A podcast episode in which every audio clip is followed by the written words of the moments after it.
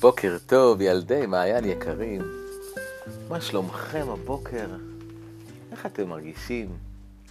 אצלי כאן בחדר מאוד נעים. מבעד לחלון השמיים בהירים בהירים. וציפורים מצייצות להן. מעניין איזה, איזה ציפורים אני שומע. ומה צבען של הציפורים שמצייצות? ומה הן אומרות אחת לשנייה? מעניין. אבל עד שנמצא תשובות לכל הדברים האלו, אני רוצה להודות לכם מאוד על התמונות הנפלאות שאתם אה, שולחים, אתם ואתן שולחים ושולחות לי. זה כמובן מאוד מאוד משמח את המלך רק שלי לגלות שאתם סופרים את האוצר שלו בדבקות כזו, וחלקכם כבר הגעתם אפילו עד המספר אלף. עכשיו אנחנו נמשיך בסיפורנו, סיפורו של ניל סולגרסן, ולשם כך אנחנו נקפל את הרגליים ונפרוס את הכנפיים, ועכשיו אפשר לעוף אל התכלת בשמיים.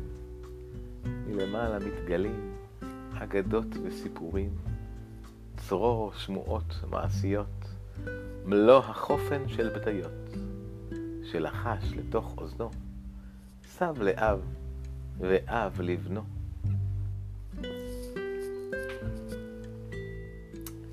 אתמול שמענו, הכרנו את הכלב קר, כלב שהיה פעם פראי מאוד, אבל uh, קצת שינה את דרכיו ועל כן זכה בחייו. והיום נשמע את המשך עלילותיו. מנוסתו של אפור האור. מיום שבא קר לבית השומר, חדל לגמרי לצוד ציד בלי רשות. לא רק משום שטעם אז, בפעם ההיא, טעם פחד כהלכה, אלא משום שלא רצה להרגיז את השומר. כי מאז שהציל השומר את חייו, אהב אותו קר יותר מכל דבר בעולם.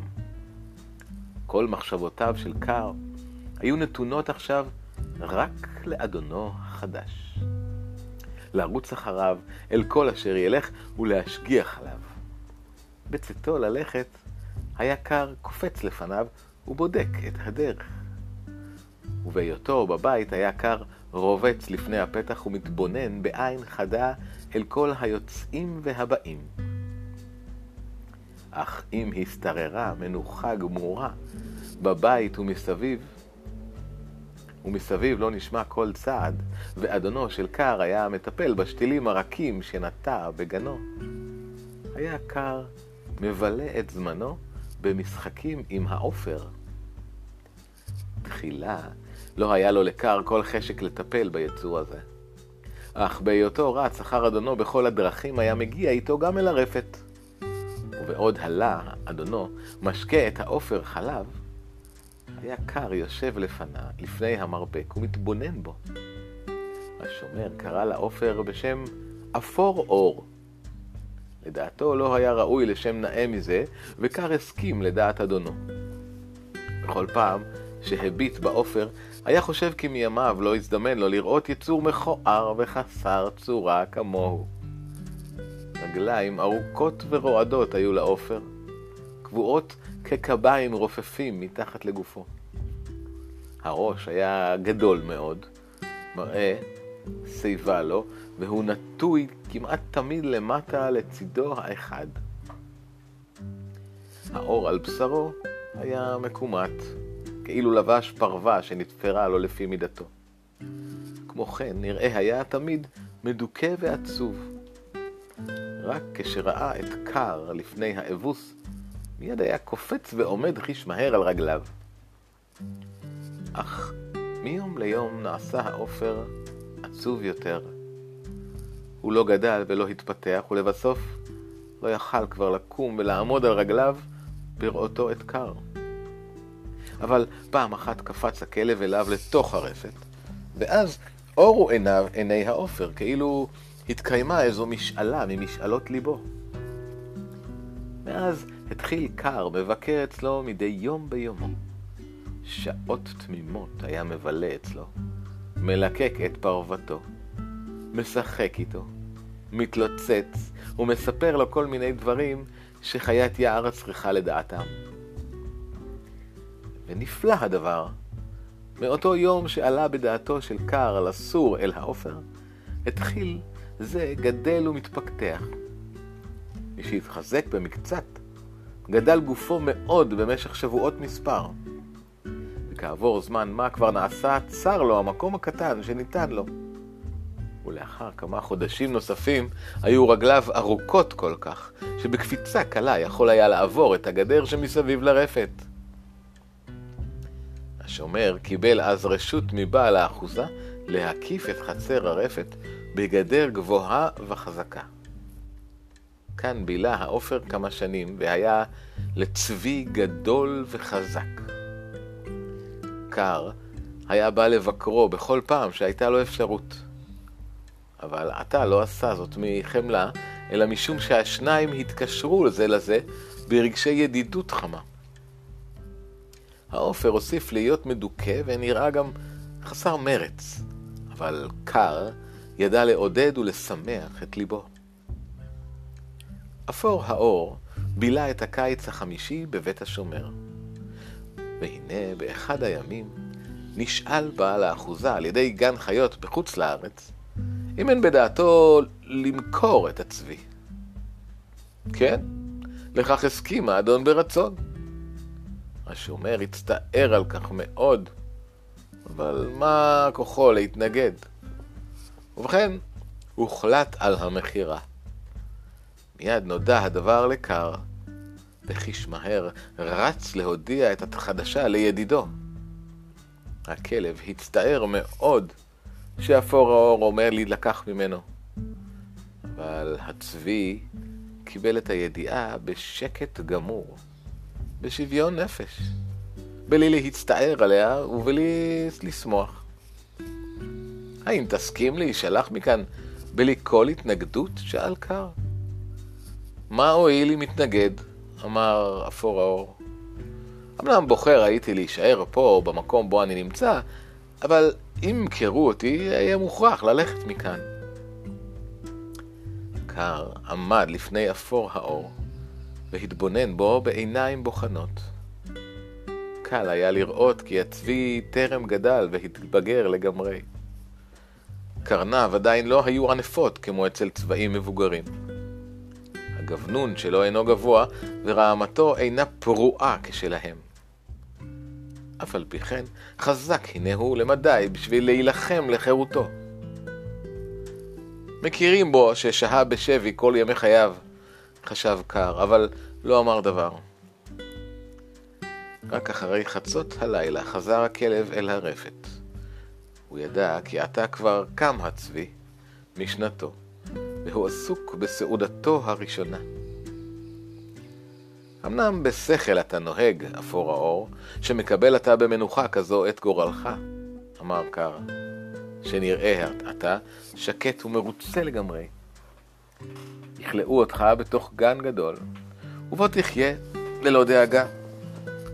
אף על פי כן, יודע אתה, חבל מאוד אם תצא מכאן בטרם תראה את היער.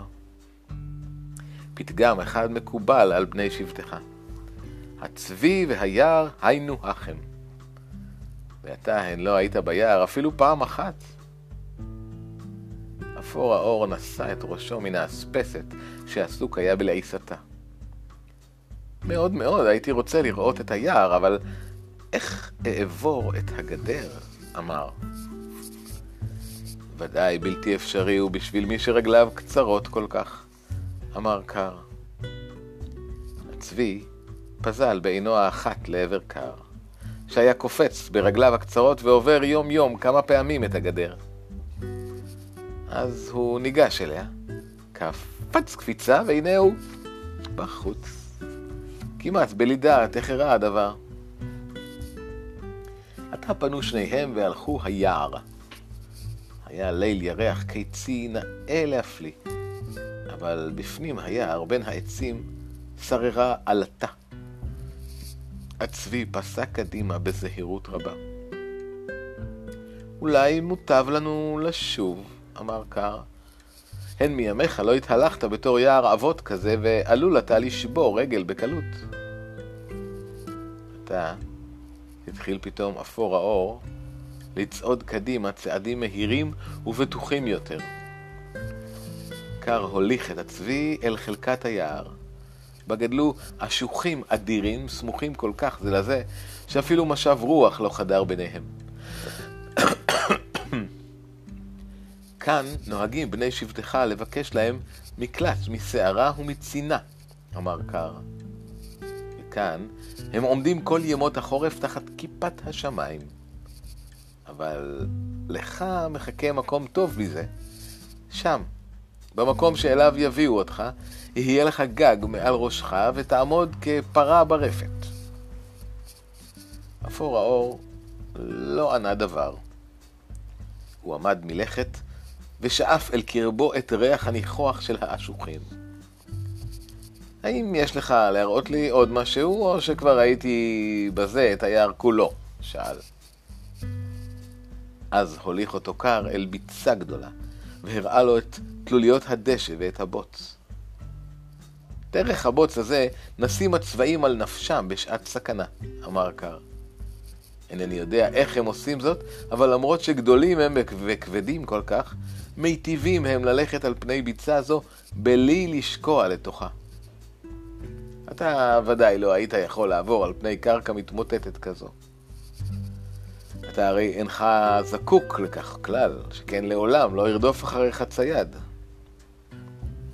אפור האור לא ענה כלום, אולם בקפיצה גדולה אחת הגיע אל הביצה. שמחה הייתה בליבו כשהרגיש את תלוליות הדשא רועדות תחתיו. הוא הרחיק לרוץ, ואחר כך חזר אל קר, בלי לשקוע אף פעם אחת בבוץ. האם ראינו כבר את כל היער? שאל. לא, עוד לא, אמר קר. עתה הוליך את הצבי אל שפת היער, מקום שם צמחו עצים, עצי עלים גבוהים, אלונים, רטיטים וטרזות. כאן רגילים בני שבטך לזלול עלים וקליפת עצים, אמר קר. זהו לדעתם המזון המשובח ביותר, אבל בחוץ לארץ תקבל מזון טוב ממנו בהרבה.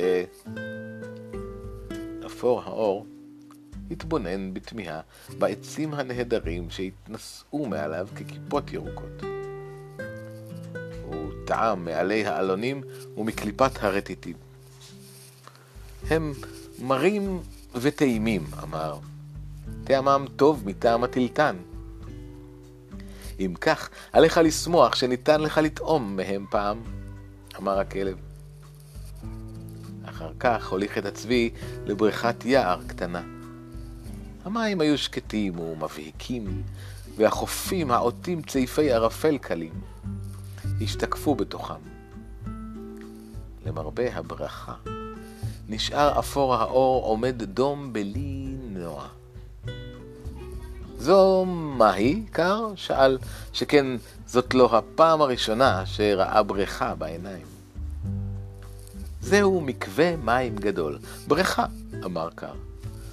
בני שבטך רגילים לחצות אותה בשחייה, מן החוף האחד אל השני. אמנם ממך אין לדרוש כזאת, אך בכל אופן כדאי לך להיכנס לתוך המים ולטבול בהם. ועוד הדברים האלה בפיו, ירד קר בעצמו אל מי הבריכה והתחיל שוחה. אפור האור נשאר עומד זמן רב על שפת הבריכה, אבל לבסוף ירד גם הוא לתוך המים. משנגעו המים הרכים והצוננים בבשרו, עצר את נשימתו מרוב הנאה. הוא התאווה לחוש את מגעם גם בגבו, ועל כן הוסיף ללכת הלאה. והנה חש שהמים נושאים אותו והתחיל לשחות. עוד רגע, והוא שחה בשמחה סביב לקר והרגיש את עצמו בתוך המים כמו בבית. אחרי כן, כשהגיעו שניהם חזרה אל החוף, שאל הכלב אם לא כדאי להם ללכת עכשיו הביתה. אוי, עוד זמן, עוד רב הזמן עד הבוקר. נשוטט נא עוד מעט ביער, אמר אפור האור. הם חזרו ונכנסו לתוך יער המחטים, ועד מהרה הגיעו למערה אחד, למערה אחד, מוצף באור הסער הבהיר. על גבי העשבים והפרחים התנוססו רסיסי טל. על העשב ראו כמה חיות יער גדולות. צבי אחד, איילות אחדות, פרות ועגלותיהן. מי שראה אפור האור את בעלי החיים הללו, עמד מלכת. לצביות ולילדיהן לא שם לב כמעט. עיניו נצמדו אל הצבי הזקן, שראשו מעוטר עטרת קרניים ענפה ורחבה. גבנון עצום לו עד עורפו ורעמה גדולה סרוחה מצווארו למטה. זה מי שאל אפור האור וקולו רעד מרוב התרגשות. עטור קרניים שמו, אמר קר. מבני שבטך הנה הוא. קרניים מגודלות כאלו ורעמה כזו ממש יהיו גם לך באחד הימים, אם תישאר ביער. תהיה פעם גם, תהיה פעם גם למנהיג העדר. אם ההוא שם בן שבטי הוא, אגש ואתבונן בו מקרוב, אמר אפור האור. מעולם לא עלה על דעתי כי יש צבי נהדר כל כך. אפור האור פנה לעבר הצבי. אך כמעט בו ברגע חזר אל קר שנשאר עומד מרחוק. האם לא התקבלת בסבר פנים יפות? שאל קר. אמרתי לו כי זו לי הפעם הראשונה להיפגש עם בני שבטי וביקשתי ממנו רשות להיראות בחברתם. אבל הוא גירשני ואיים עליי בקרניו. טוב עשית שהתרחקת ממנו, אמר קר. צבי צעיר שקרניו טרם גדלו צריך להימנע מלהילחם בצבי זקן. אמנם אחר במקומך היה זוכה ודאי לשם רע ביער אילו נסוג ללא התנגדות, אבל לך הרי לא אכפת הדבר כלל, כי הלא בין כה ובין כך יוצא אתה לחוץ לארץ. אך הוציא קר את המילים הללו מפיו, ואפור האור פנה לאחור. הצבי הזקן מיהר לקראתו, ומיד התלקח בין השניים קרב אכזרי. הם הצטערו זה על זה בקרניהם ונגחו בהם, ואפור האור נדחק ונסוג לאורך כל השדה. נדמה היה שאין הוא מבין כלל איך עליו להשתמש בכוחו. אך לאחר שנדחק עד קצה היער, תקע את רגליו בכוחו, בכוח רב באדמה. התחיל נוגח בתוקף בקרניו ודוחק בחזרה את עטור הקרניים. אפור האור נלחם דומם. אבל עטור הקרניים נשם בכבדות, זורר והתעטש. עתה נדחק הצבי הזקן מעט מעט לאחור. פתאום נשמע קול נפץ רם. הסעיף העליון בקרניו של עטור הקרניים נשבר. מיד נחלץ בכוח מאפור האור ורץ לתוך היער פנימה. קר הוסיף לעמוד בקצה היער כשחזר אליו אפור האור. עכשיו כבר ראית את כל מה שיש ביער, אמר אל אפור האור. בוא נלך הביתה.